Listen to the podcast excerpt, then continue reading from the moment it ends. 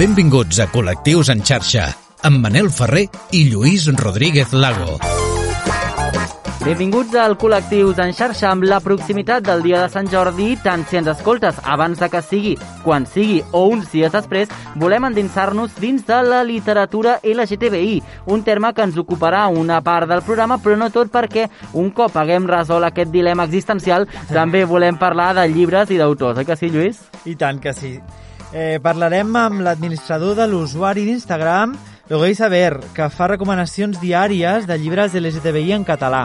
A ell li hem encarregat la tasca de fer-nos un top 5, un top 5 de llibres per a aquest Sant Jordi. Uh -huh. No ens quedarem aquí, perquè també conversarem una estona amb l'escriptor Jordi Tello, amb el que parlarem de la seva obra i també li preguntarem pel tema que ens ocupa avui. Perquè avui al Col·lectius en xarxa, literatura LGTBI. Estàs escoltant Col·lectius en xarxa. amb Manel Ferrer i Lluís Rodríguez Lago.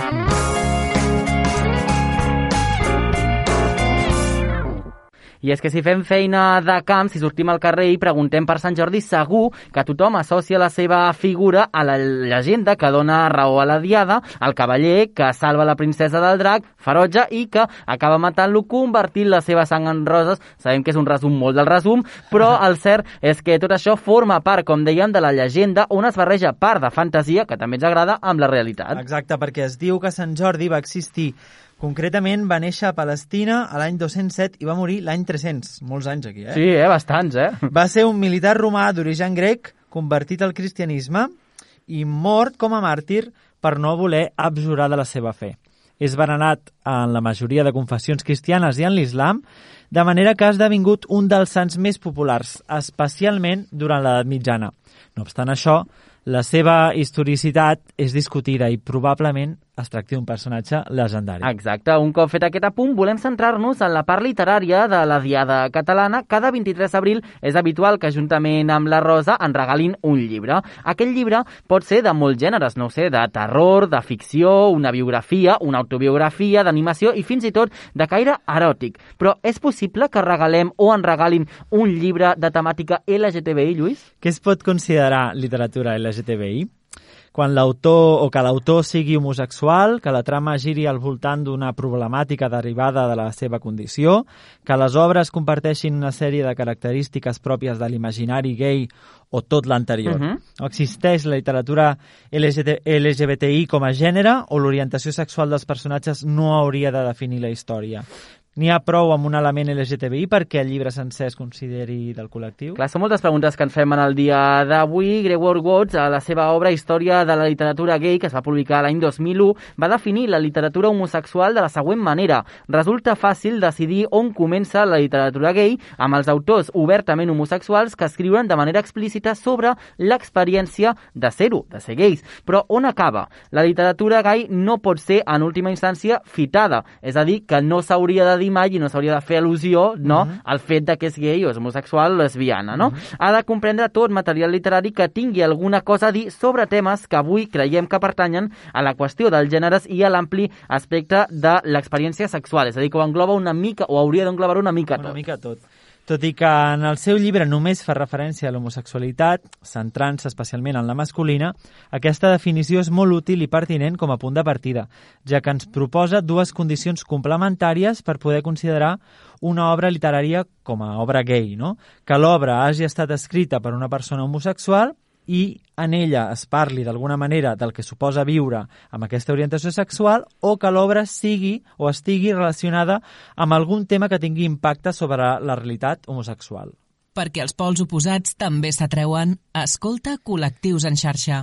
I malgrat que la literatura LGTBI ens pot semblar un concepte molt nou, molt novedós, és fàcil trobar referents en l'antiguitat, Lluís. Exacte. N'hi ha que veuen en alguns mites egipcis les primeres senyals de gènere eh, o del gènere, no? Cas de José Manuel Cotilla, qui la seva tesi doctoral cita eh, la història de la lluita entre Seth i Horus com a exemple del començament d'aquest tipus d'obres. No obstant això, és a la Grècia clàssica on trobem fragments bastant clars en què es parla de relacions homosexuals. I si acudim a la mitologia grega, trobarem la història de Ganímedes, eh, fill de Tros, el senyor de Troia, que va enamorar al mateix Zeus. El déu suprem va quedar enamorat, va quedar encisat dels seus músculs, del net d'Erictonio, que allà eren homes mm, Sí, sí, bé de veure, sabem, amb el seu six-pack i de més, sí, eh? tant. No, no ens enganyem.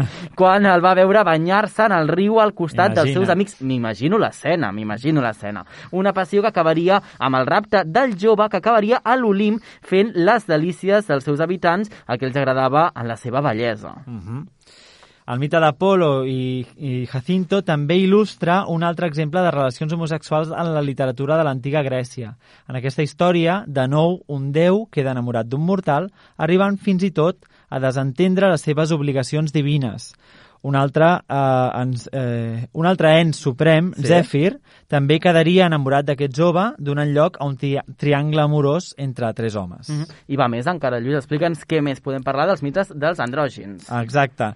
Uh, aquests éssers eh, que albergaven en el seu cos genitals masculins i femenins, Uh -huh. val? es diu que van intentar invair l'Olimp causant l'ira de Zeus i que aquest els llançaria un raig donant ori- origen a l'home i a la dona, no? que passarien tota la seva existència ara tractant de trobar la seva altra meitat. No? De nou, el component LGTB està inclòs en aquesta història, ja que alguns d'aquests protagonistes tenien dos membres del mateix sexe, Ahà. diuen, eh?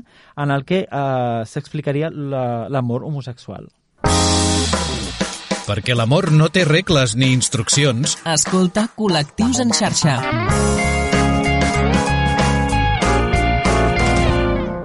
I dit això, anem a entrar en matèria i anem a saludar el Marc Arencon, administrador de l'usuari d'Instagram Lo Gay Saber, on diàriament fa recomanacions literàries a temàtica LGTBI. A ell li hem demanat un top 5, un top 5 de llibres per aquest Sant Jordi. Benvingut, com estàs? Hola, bon dia, molt bé, vosaltres? Molt bé. Molt bé. Sabem que et demanem una feina molt eh, concisa eh, i molt eh, minuciosa, perquè, clar, resumir un Sant Jordi amb cinc títols, però, i a més amb molta síntesi, doncs eh, sabem que és complicat, per tant, estem molt agraïts eh, d'escoltar aquestes recomanacions i, si et sembla, farem del 5 a l'1, eh, com les Vinga. grans llistes. Doncs va, la cinquena recomanació d'aquest pòdim, a qui posaríem?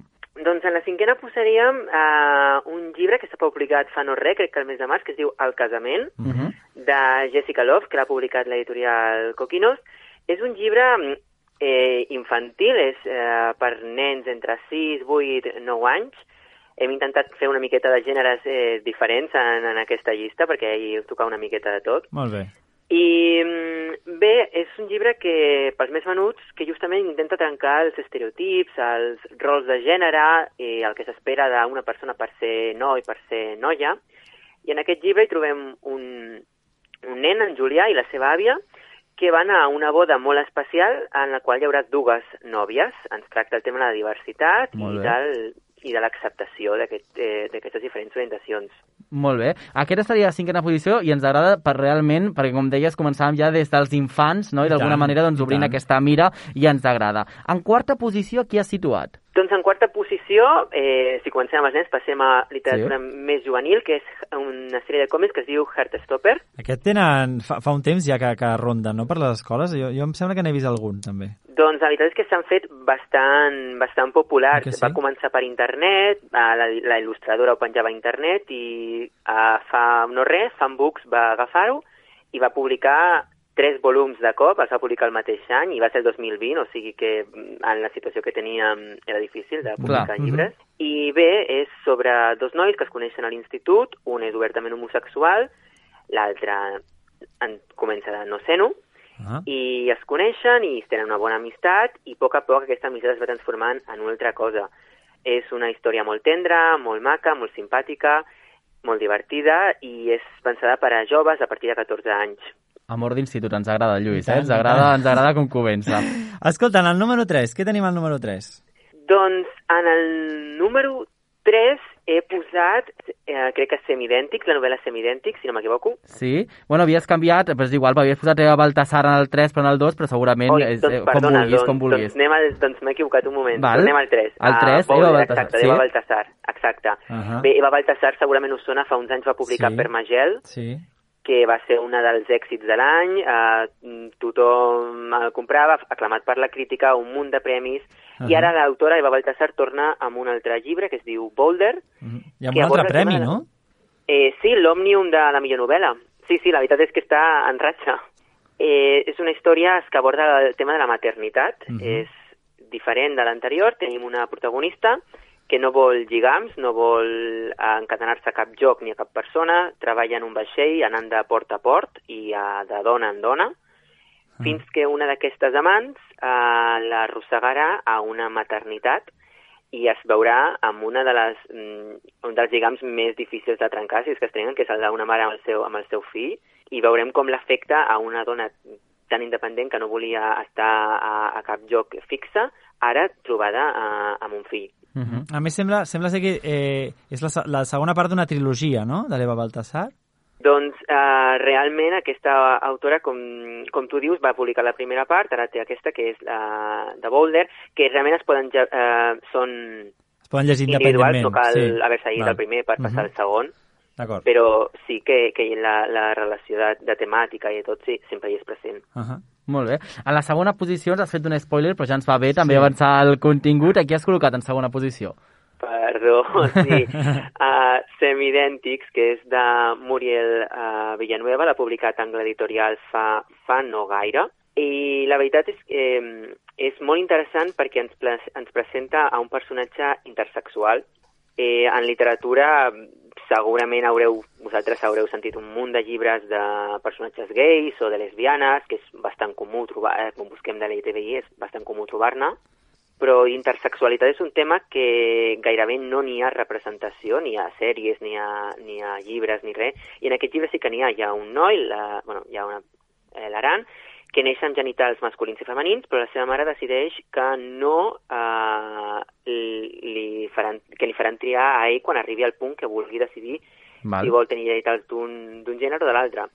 Ens presenta aquesta història, que és una novel·la que realment aborda multitud de, te de temes. Són dos germans que parlen sobre la seva adolescència, sobre les orientacions sexuals, identificació, uh -huh. tots els problemes que tenen els joves, però que té el tema de la intersexualitat, que és un tema molt poc tractat en ficció i que està important que es comenci a tenir representació. I em sembla que molt poc tractat, en, en, com dèiem, en la literatura i també a la També en vida general, real, eh? sí, com a concepte sí, sí. general. De fet, ens l'apuntem també per poder-ho tractar en el col·lectiu en xarxa. I acabem amb el número 1, amb el top 1 d'aquesta llista que ens estàs eh, fent avui, el viatge de Marcos. Exacte, el viatge de Marcos. Bé, que és dels llibres mm, bàsics de literatura LGTBI al nostre país. Eh, sempre que es parli de d'aquest tipus de literatura hem d'acabar o hem de començar parlant del viatge de Marcos. Uh. -huh. És una novel·la publicada farà gairebé 20 anys, crec que l'any vinent farà 20 anys. És una història molt maca, molt bonica, molt ben escrita, molt trista també. Uh -huh. Tenim el Marcos, el protagonista, torna al poble en el qual passava l'adolescència i durant el viatge en tren va rememorant com va ser l'últim estiu en el qual va descobrir la seva orientació sexual amb un, amb un noi, l'Àlex, i és una història que cada pocs anys es fan reedicions i Egales l'any passat en va fer una nova edició. I dona la casualitat que aquest any, el 2021, s'ha publicat, eh, l'autor Òscar Hernández va publicar la segona part inesperada d'aquest llibre, que és 50 anys no són nada, en el qual recuperem els personatges i veiem què més ha pogut passar en aquest temps. Molt bé, doncs Marc, et buscarem a Instagram, et seguirem a Loga i saber importantíssim el que ens explicaves uh, avui, amb, amb una pregunta i amb una resposta breu també, si us plau, et volia preguntar el tema que ens eh, ocupa el programa d'avui, què és per tu la literatura LGTBI? És a dir, què eh, identifiques tu com a concepte de la literatura LGTBI? Què ha de ser per tu un llibre LGTBI? És una pregunta molt xunga, joder. Ah, I a més, inesperat. Realment és complicat, perquè clar, quan parlem de literatura, eh, què volem? Que sigui protagonitzada o que els seus escriptors Clar. eh, formin part de la comunitat? Eh, per mi, eh, i el, la línia que estem seguint eh, a, tant al perfil d'Instagram com al web en la qual anem publicant Mhm. ressenyes i recomanacions, eh, ho engloba una miqueta qualsevol cosa que ajudi a afavorir la, la igualtat i la diversitat. Tant que sigui un autor que des de la seva pròpia sexualitat eh, expliqui potser la seva vida i ja sigui forma de donar visibilitat i donar representació, com una autora o un autor que decideixi incloure un personatge. Qualsevol cosa que, ajudi, que ens ajudi com a col·lectiu, doncs per mi és literatura LGTBI. Molt bé, doncs Marc, gràcies perquè la, la definició és bona, és sí, d'examen. Sí. Gràcies Marc eh, Loga i Saber, eh? eh, gràcies per atendre'ns i també per respondre aquesta pregunta sorpresa que has aprovat amb nota. Fins la propera. Que vagi bé. Moltes gràcies, Adéu. que us vagi molt bé. Hola Lluís, què tal Manel? Bé, doncs eh, jo sóc una infermera pediàtrica que fa prop de dos anyets que va agafar la referència del programa de salut i escola en un institut.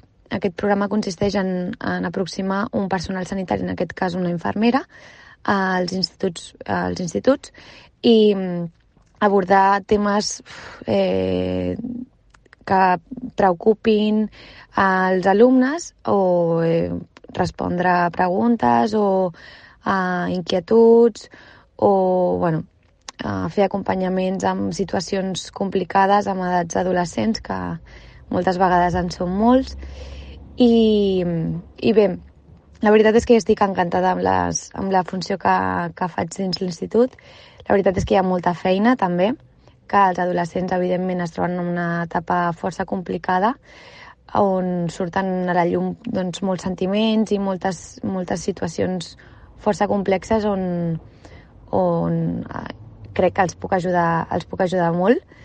Um, la veritat és que jo, jo ara des d'una des perspectiva diferent no, eh, m'hagués encantat que, que a la meva escola o al meu institut s'hagués apropat eh, una infermera o un infermer i, i m'hagués ajudat amb, amb dubtes i amb, amb neguits i amb, amb coses que pues, en aquell moment potser em preocupaven i a més eh, s'agafés a la confidencialitat que, que, que m'agafo jo, perquè clar, al ser un personal, a ser personal sanitari, a no ser que l'alumne, el nen, la nena, el noi i la noia estiguin en risc, eh, el que, el que m'expliquen doncs, queda una miqueta entre nosaltres dos. Llavors, eh, bé, ara mateix eh, tinc un cas eh, força, força interessant que m'està agradant molt d'acompanyar és el cas d'un noi que ha declarat, o ha declarat, m'ha explicat o ha manifestat la seva transexualitat. I bé, estic fent l'acompanyament de la seva transició de gènere i, i bé, volia explicar-vos que aquesta figura existeix, que estem en actiu, que tenim molta feina, que estem treballant molt i, i que programes com, els vostre, com el vostre vaja, eh, ajuda molt a, a tot el col·lectiu i, i a tots en general. Gràcies. Segueix-nos a les xarxes. Busca'ns i recupera tots els nostres programes, imatges i vídeos exclusius. Col·lectius en xarxa, a Twitter, Instagram i a les principals plataformes de podcasting.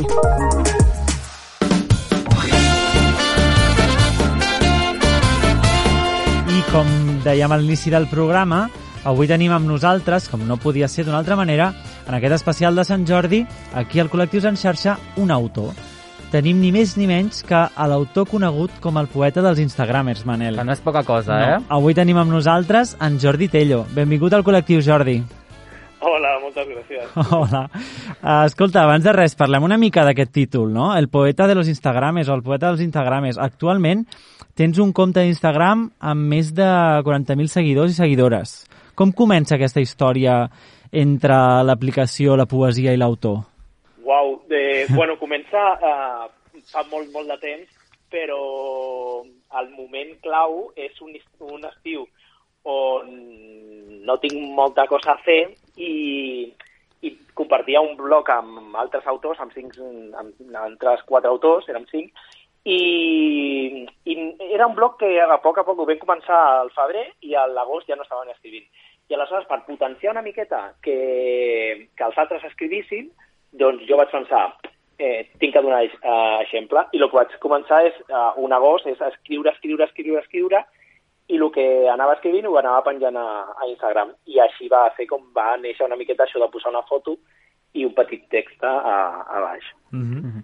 bueno, va funcionar molt bé. De fet, bé, uh, sabent una mica i trobant una mica sobre tu, um, hem sabut que vas començar a escriure amb 14 anys i els teus dos llibres tenen uh, un terme en comú perquè els dos inclouen dins el títol la paraula estiu, tant Todos los días de aquel verano i 1816, el año que no hubo verano, el que volem saber nosaltres, que ens ho desvellis, què passa o que no passa als estius.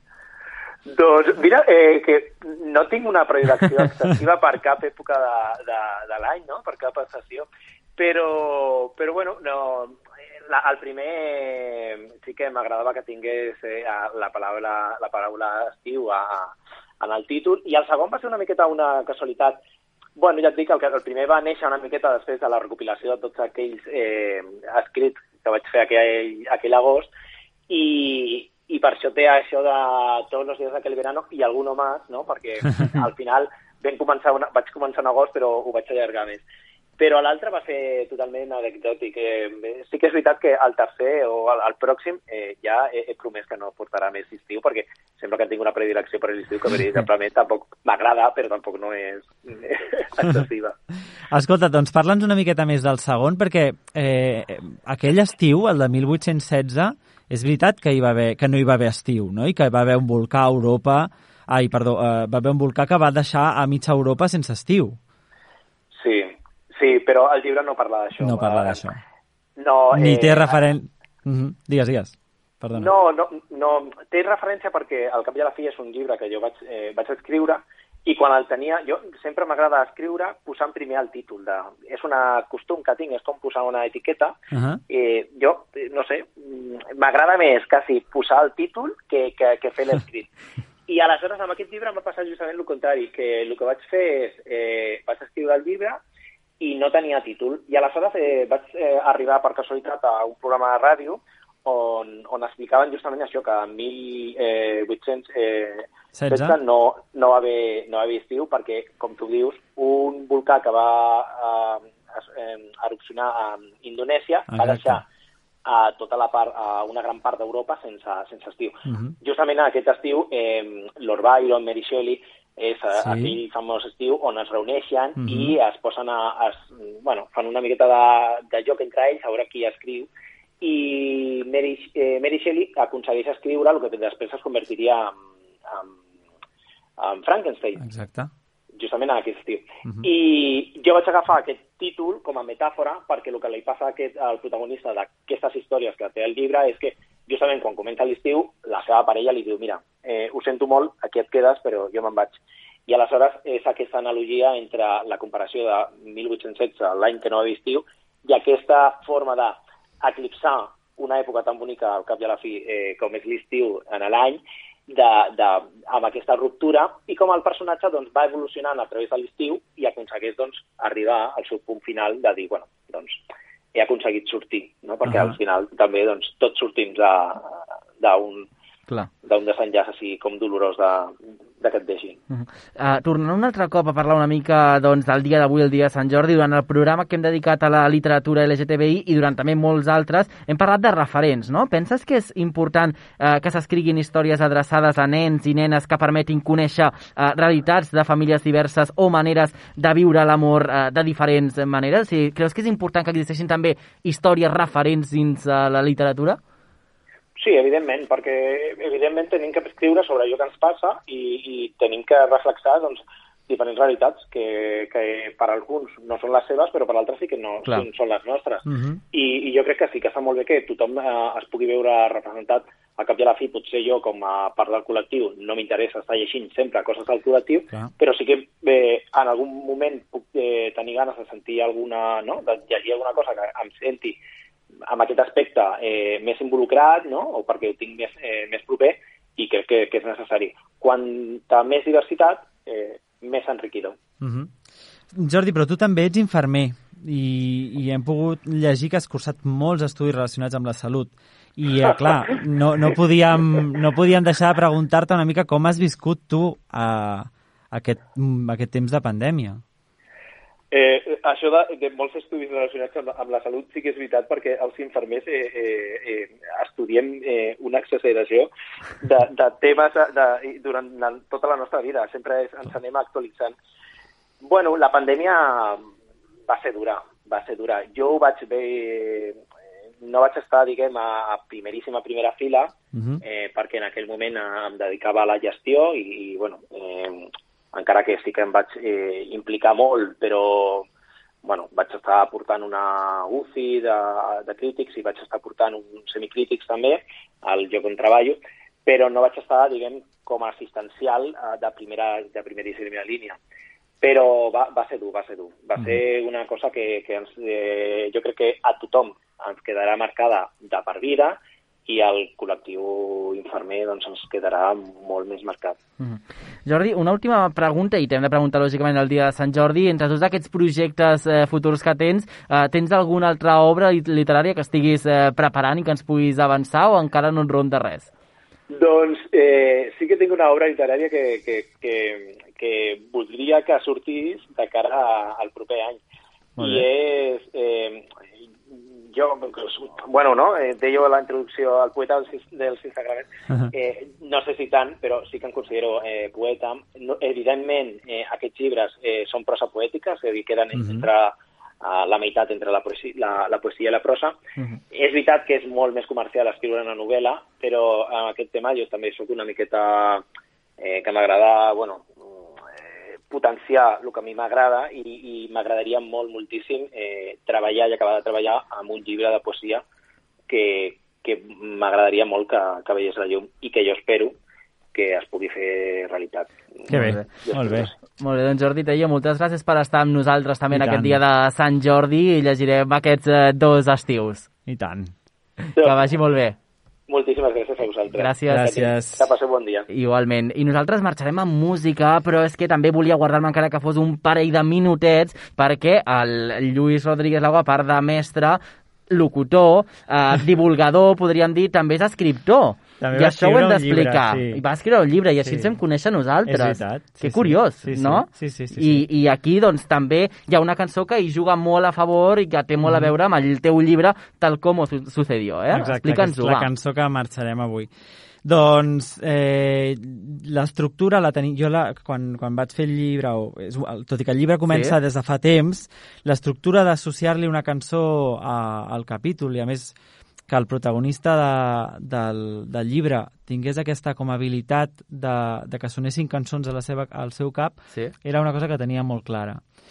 I després em va passar una mica com en Jordi Tello, eh? Jo no tenia títol. Uh -huh. Ah, molt bé. I, I va arribar Siloé, que és aquest grup, amb Tal como sucedió, i, i ells ho diuen, no? Diu, tal como sucedió, lo, así lo cuento ahora para que, para que el olvido no sea con la història. I la meva idea era aquesta. Molt bé, doncs era mira. que, que, que, que allò no quedés a l'oblit. Molt bé, així sona, amb ella marxarem. Última pregunta de fer, on es pot adquirir el llibre a hores d'ara? A qualsevol llibreria, la vostra llibreria capçalera, Molt bé, sobretot. perfecte. Doncs gràcies, Lluís Rodríguez Lago, també al Carles Soler a les vies de son, aquesta edició, en aquest muntatge del programa, i jo mateix, Manel Ferrer, acompanyant-vos cada setmana amb aquest col·lectius en xarxa, que passeu un molt bon Sant Jordi i ens retrobem la propera setmana. Adeu. Adeu. La historia